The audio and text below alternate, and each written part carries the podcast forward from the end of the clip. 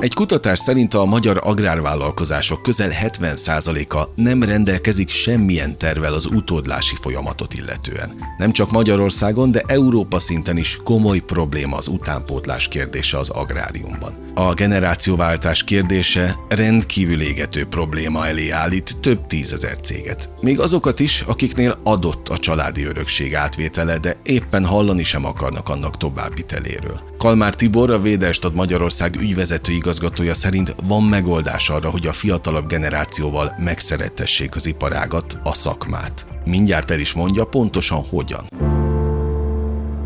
A generációváltás még nem történt meg, de a fiatalok ott vannak már másodhegedűsként szinte a legtöbb, a legtöbb gazdaságban, ahol van második generáció vagy harmadik generáció, de a döntéshozók még jelenleg is azért, azért az 55 50-60 év közötti generációból, ha pontosabban akarom mondani, kerülnek ki, de a fiatalok ott vannak. Nyilván más szemléletmóddal.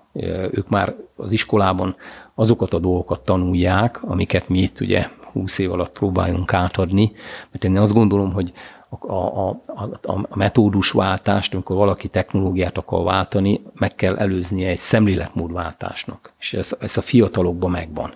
Ők már így jönnek ki az iskolapadokból, és ezért, ez, és ezért nekünk is könnyebb dolgunk lesz már pár év múlva, amikor mondjuk ők kerülnek döntési pozícióba. A jelenleg döntéshelyzetben lévő gazdálkodók ugye más tanultak. Én is más tanultam az egyetemi padokban, ami ma már azért sok szempontból vitatható, elavult tudásanyag, úgyhogy idejű, ideje van korszerűsíteni ennek azt látom, hogy azok a fiatalok, akiknek vannak a gyökerei, ők, ők, ők, ők, ők tudják és érzik, hogy számítanak rájuk otthon.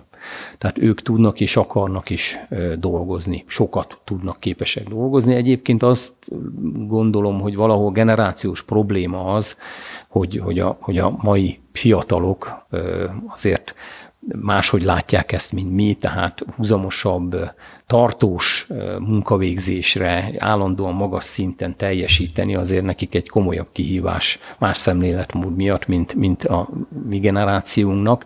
De azt mondom, hogy a, gazda, gazdász gyerekek, ők, ők egészen más, ők élvezik, amit csinálnak, a, főleg a gépek, a gépek azok, azok nagyon-nagyon meg tudnak szerettetni, vagy éppen a technikai háttér, vagy megutáltatni egy, egy szakmát valakivel. Ha könnyű a munkavégzés, szinte gyerekjáték, akkor, akkor meg fogják szeretni a, a szakmát. Hát ma már ezek a, a, ezek a traktorok, a kombájnok gyakorlatilag olyan ö, olyan kellemes ö, munkakörnyezetet teremtenek időzőjelben, hogy ma már egy munkagéppel és egy erőgéppel dolgozni nem azt jelenti, mint 20 évvel ezelőtt, hogy léptennyomon meg kellett állni, és ugye valaki nyakig olajos volt, már állandóan szerelni kellett. Ezeket az eszközöket ma már azért nem, nem kell ilyen gyakorisággal szerelni. Élvezik a munkát, ha jó eszköz van alattuk.